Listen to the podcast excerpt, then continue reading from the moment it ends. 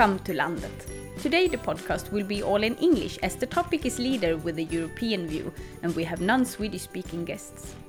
The development with the leader method has been going on since the early 90s in the European Union with its bottom-up approach with a local partnership where the public sector not is allowed to have majority, it has been groundbreaking as a truly local and territorial approach to rural development. Going from a small pilot initiative through an own EU program, LEADER is now a part of the huge rural development program. It's a program where about 80% of the budget is allocated to farm investments, knowledge transfer in agriculture, and environmental payments. In this podcast, we want to focus on where and why the leader method is successful, what makes it work, and are there problematic parts. How can we use this development method in the best way for the future rural challenges? And we want to do it with a European view. My name is Annika Nilsson and I am the manager of Little Linné Småland. And I am Johan Magnusson. I am head of unit at the CLLD unit in the Swedish Board of Agriculture. Anastasios Perimenis. I'm a Lesvos Local Development Company manager. It's a lag and flag. I'm John Grieve from the European Network for Rural Development, where I'm the, the policy coordinator and I take the lead on LEADER. I think I'll start with a question for, for all of you. What is the most important part in the LEADER method and its seven basic principles used in your work with implementing the local development strategy in your area and why? You're allowed to pick one of them. We start with you, Annika. Okay, uh, the most important with the leader um, is uh, that uh, it's the bottom-up uh, pr approach, uh, and also it could be a small project. It's the difference between other kind of funding. Uh, mostly there are very big projects. Here we can have small. I think it's also very important that we have a networking with between people and um, it's very important that people work together with the development in the in the area where they live. And uh, Johan?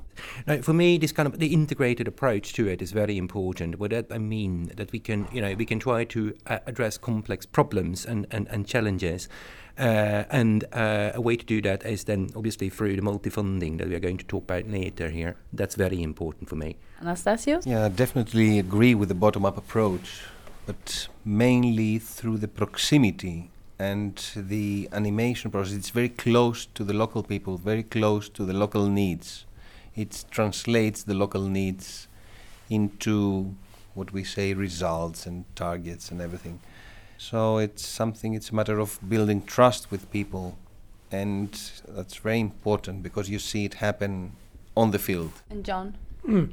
And for me, slightly different. I, I see the, the local partnership as, is actually the cornerstone of, of leader because it, that's where all these things come together. You, you have the local people, you have the people working together, you have the, the representation of the local community. It's, it's of the place. So, so that to me is the cornerstone and the, and the driver. And it's actually the most critical part. If you have a good partnership uh, to work with, then, then I think it, it makes a big difference. And it's where you can interact, it's where you can network, it's where you can make the connections, the, the links that Leader is all about. What kind of circumstances, development process, or projects is the Leader method best suited for? What does Leader do that other approaches cannot? And this uh, question is for Anastasios and, and Annika.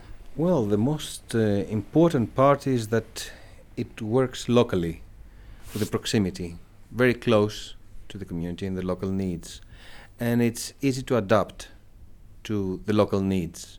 So I believe it has to do with small projects, projects of um, family owner, family businesses, um, and it really uh, frees, in some cases, people to do things that otherwise in mainstream programs they wouldn't do. I agree with you, and uh, also, what we can see that um, other type of funding pro uh, for project, they stop when the project is uh, finished. When the money is finished, the the, uh, development uh, stop. But uh, in leader project, you can see it's full of uh, a lot of times after then that the project is finished. So that is the most important, I think, with leader projects. The effect will still be there after the project is finished. But we can also see that a very big project. We have had the projects uh, who, cost 2,500 Swedish crown up to 1.8 million Swedish crown, and uh, we can see that the big one is have no so good effect as a lot of small projects have, and and that that's also especially for leader. It has to do with the the characteristics of the area. That mm, imposes in a way what kind of projects will come up. Yeah, so it's it's hard to to say something general about it, more It's than the a- small a- smallness. biggest question that you take one factor out of the equation, you don't have an equation. In this case as well, uh, and maybe a big project will complement or is necessary for smaller projects to arise, or many small projects they bring out better results than just one. So it is something that it's variable and it changes It's adaptable. it's to the- adaptable yeah. to the local needs, uh, and uh, uh, an area in Sweden is completely different than an area in Greece. So, i- what fits for Greece doesn't fit for Sweden, vice versa. So it, that's the magic in leader. But the method does. The method does. So that gives gives the it's perfect because it can adapt.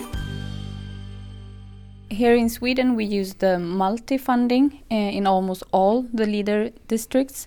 Johan, from your perspective, what is your experience of multi-funding within leader? Well, first of all, I think we should say that, I mean, we are piloting this. This is the first time ever we are doing this. So that's already is a big thing in itself. Huh? Uh, and secondly, it takes time as as as uh, to you know to get things right. And I, I, I should be frank and honest. I should say we may not be there already. It may still take some time before we are there. And you know, it's a process. May you know. We, we try to adapt things as, as they go. But what is important for me is that we now have this opportunity to work with four funds. And what I hope is that that will be able will, will enable the the, the, the, the lags to, to you know to widen the scope of, of interventions and, and, and, and you know go on on on a broader scale and and uh, support the, the challenges that are there at the territorial le- local level. And f- for you, Annika, um, from your area's pe- Yes. perspective, what does the multi-funding system Uh, mean? I can see that uh, we have uh, two projects in the uh, regional fund, and I can see that we integrate the rural area to the city, to the bigger city.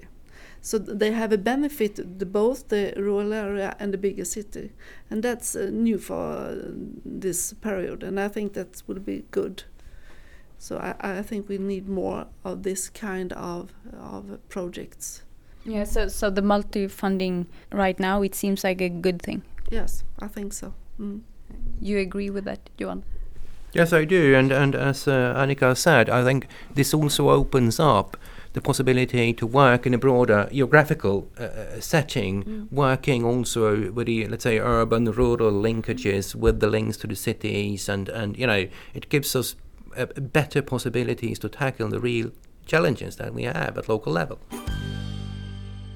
We jump to another subject. Uh, now we we're talking about the log. So this is a question for for Annika and Anastasios. How you recruiting to log? How do you act to get a wide representation from different sectors, ages, gender, backgrounds, and etc. Well, it's not that difficult to recruit. It because it, it is an island. There is a lot of discussion and people know about leader, so they get involved because they know that they have a saying when they get involved. How about Uh, you, we- Annika, and we the have working? a pre-group uh, with eight persons, one from each municipalities, and this group uh, is from uh, the private or uh, non-profit organization and uh, public organization. So it's a, a, a good group. How is it with with age, for example? Uh, we Is it have it's, yes. is it hard to in, involve youth no, people? No, no. Uh, it's not this. Uh, uh, the youngest the girl is 25. Because I, I know in some areas there there is hard to to especially um, en- engage uh, young people. And and also many people in my age in this country doesn't know about leader at all. Uh, okay. so that's why I, I, I'm wondering if it's it's hard to to get them motivated to no, no. Uh, it's very important that people see see these young people, uh, so they can say, "Okay, will you s- uh, sit in our um, lag?" And mostly people say, "Oh yes, it's it's interesting," because you must also know that young people maybe stay two or three years before because after that they will go to university, they will move somewhere. Uh, old people uh, sit in the in the board for a lifetime, and that's a big problem. Yes. Another way to approach youth, the way we saw it, was instead of instead of having them in the decision-making process, we financed a, a project for uh, of the youth, uh, if I translate that correctly, the municipal youth council, and uh, that was the best way to promote that think opportunities like that exist. Because I mean immediately they had to do something and they were responsible in doing something. And we helped them build up the project. So that was very interesting to see that immediately they reacted and things changed and through social media and all the ways that young people get involved, it went like fire mm, everywhere. but after the project were they still involved Oh, yes, they're asking. They're involved because they're, they're expecting to do something more. It, mm. it, it makes them feel stronger in a way. When they just make make up decisions, it is something that they're not very confident in. Mm-hmm. But when they have to do something tangible and they're responsible for that and they see results, that's even better. Now I think we should talk a bit about uh, the transnational cooperation projects between the the countries, and uh, I think I should should uh, start with you, um, John. How are you actively working to promote and implement transnational cooperation projects? Well, transnational cooperation is one of the primary functions that the the, the, the contact point for the European Network for Rural Development supports. Uh, so, uh, of course, it takes a little time to develop these things, but uh, we are now in a situation where we have pulled together a practitioner working group uh, which is working with leader managers, lag members, uh, managing authorities, and so on to try to improve the coordination and harmonisation of the processes that are used in the different countries. We're also preparing uh, a set of uh, um, uh, fact sheets uh, on what the transnational cooperation provisions are under the different RDPs. So, so far we have, I think, 57 of the RDPs covered. So those fact sheets are on our website. So if someone's interested in cooperating with uh, another country, they can go there and find out what the conditions are. And what's the RDP? rural development program. Sorry. Uh, so so so they, they're all all different. Yeah. Um, then the other thing we're doing is we've prepared uh, are in the process of implementing a, a local action group database, and part of that is a partner search tool. So associated with each local action group on the database uh, and their profile, uh, there is this partner search capability. Uh, so they'll be able to lags will be able to go there, find out about the other lags, about what their interests are, what their cooperation proposals are, and it works like almost like a dating agency. Yeah. So so we have that as well. So those are just some of the things uh, that we are doing to to promote transnational cooperation. Well, it's, as John said, it is a very important part of the overall program, and uh, it has serious impact in the local community as well because How? It gets out of the box. You get involved with other countries. You see what happening out, what is happening out in the world. In one case, uh, we had uh, cooperation with um, with Italy and uh, Spain, and the, the way they were working with olive oil and olive trees, and uh, there was a major discussion on that matter. So that created even further discussion. So there is the communication of information and the movement of information is very important how it goes. But it's not only that. It's it's very interesting in it to when you go out and you see that okay, what you're working, what you're doing is similar to what other people do in the other side of Europe. and in Sweden, for example, which is completely different, even with the, the geography and the, the weather and everything. And you see, you probably face more or less the same problems. And you realize in some cases what you're doing well or not well. And when you realize that you're doing something well, that builds up your confidence as well. So it is very important for an area and for the LAG as well. Are we much alike? Yes. If I might uh, add up to that, it also helps boost the sense of identity. Mm, very much. yes. How's the balance between the public sector and the two other sectors, the NGOs and the, the business, in, in the log in practice, John? Yeah, I, I think one of the things I see in, in some of my work, particularly my, my work in leader development and evaluation, which uh, which I also do, um, is the difficulties in involving private sector businesses um, in in leader lags as members, because particularly for small rural businesses, time is of the essence. It's it's the most valuable resource they have. So, in order for them to get involved, uh, it has to be uh, of some demonstrable benefit to them. I don't mean that by being involved they can give themselves a grant because that's not what we're supposed to be, but that contributing their time, their experience, their valuable knowledge and resources is it brings a benefit. It brings a proportionate benefit, or greater than proportionate, because that's one of the things that leader does. Is it expands the ben- the, the value of, you, of your participation.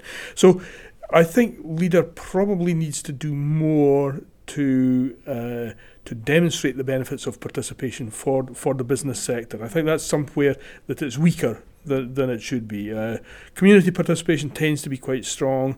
Uh, public sector participation tends to be quite strong. Some would argue too strong. Uh, and business participation, I think, is the part that, that, that could be stronger. That would bring innovators, entrepreneurs more into the process, and that can only be beneficial. How can you do to get more private business to be engaged in, in leader? I I think it is the same. They must have some benefit for that. Uh, we can see that we have uh, two, three uh, very good entrepreneurs in our board, and they they're running uh, big companies, and and you know, and they have no time to come to our board meetings. Uh, it costs them a lot of money if they will. They are uh, some of them are consulting, for example, and uh, you can see maybe he cost thousand crown each uh, hour when he work, and now we had two thousand for a whole day. Um, I think that can be a problem.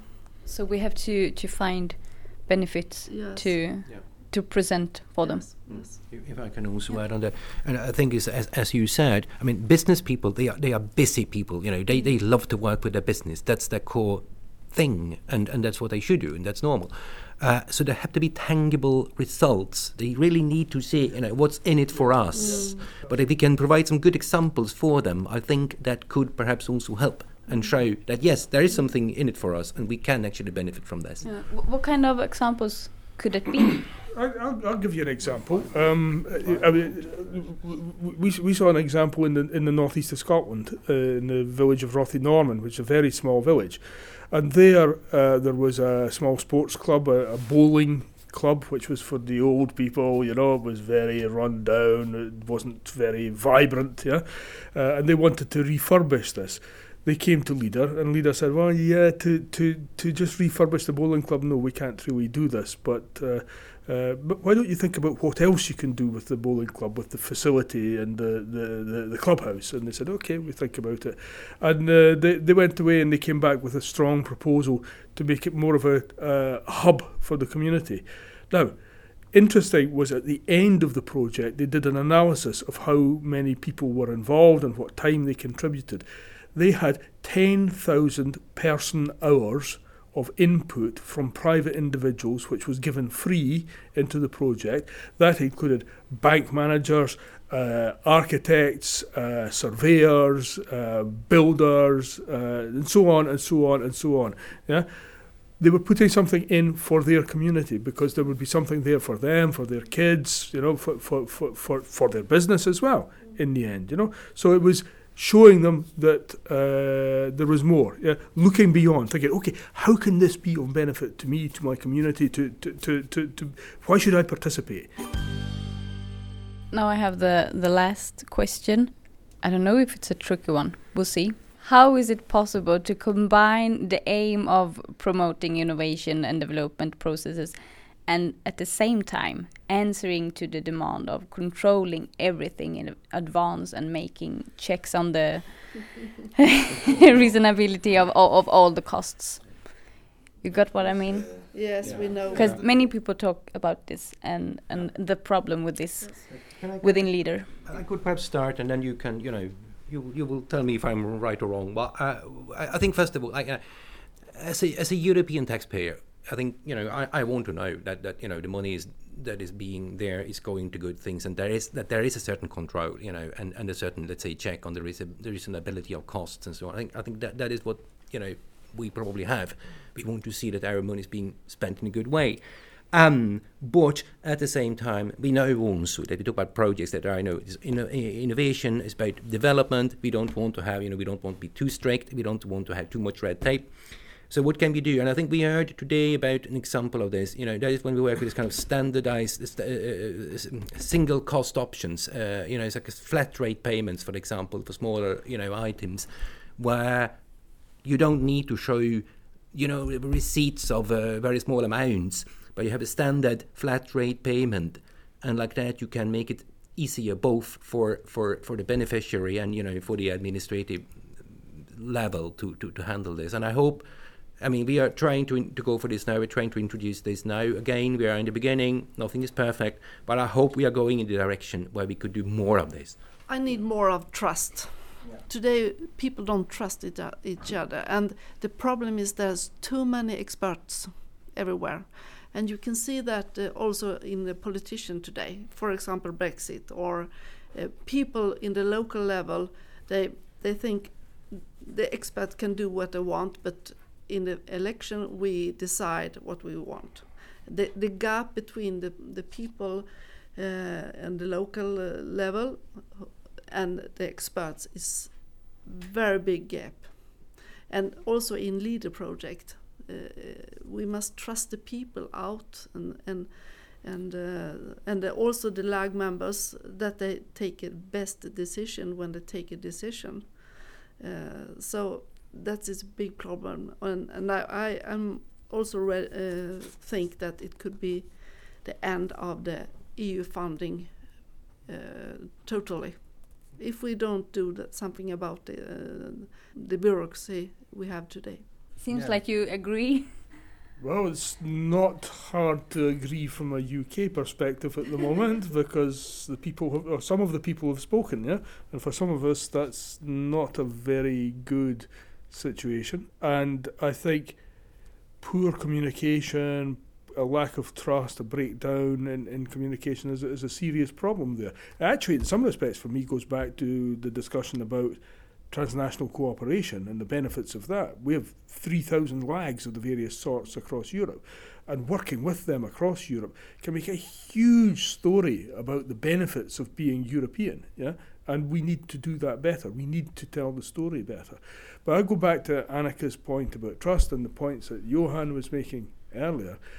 Trust, trust is critical, yeah, but it has to be earned and it has to be protected. Yeah, it has to be cultivated, uh, and I think that demands accountability and responsibility.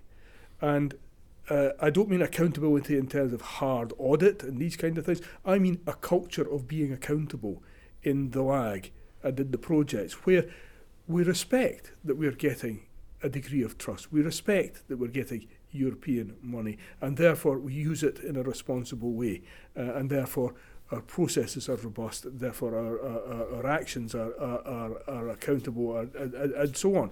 Yeah, because it is something that you earn and you have to set up clearly defined rules. Simple or complicated, it doesn't matter. And if you have clearly defined rules and systems and you follow that, it takes time, you mature with it. But once you have implemented it for a long time and it has it has been in your DNA of how you do things. I mean, uh, it's strange, but I, I recently have realized that bureaucracy, okay, I can handle. The one thing that I cannot handle is mistrust. That I cannot handle. Definitely not. And whenever that happens, it is uh, it breaks down all the confidence that I have in what I'm doing with other people or with beneficiaries or with the managing authorities or whoever gets involved in that system. So it has to do with clearly defined rules. Yeah. The problem is that uh, we work with local led uh, development. And uh, in my on, on my day, job day, it's uh, 75 80% administration. And that is a big problem. Yeah.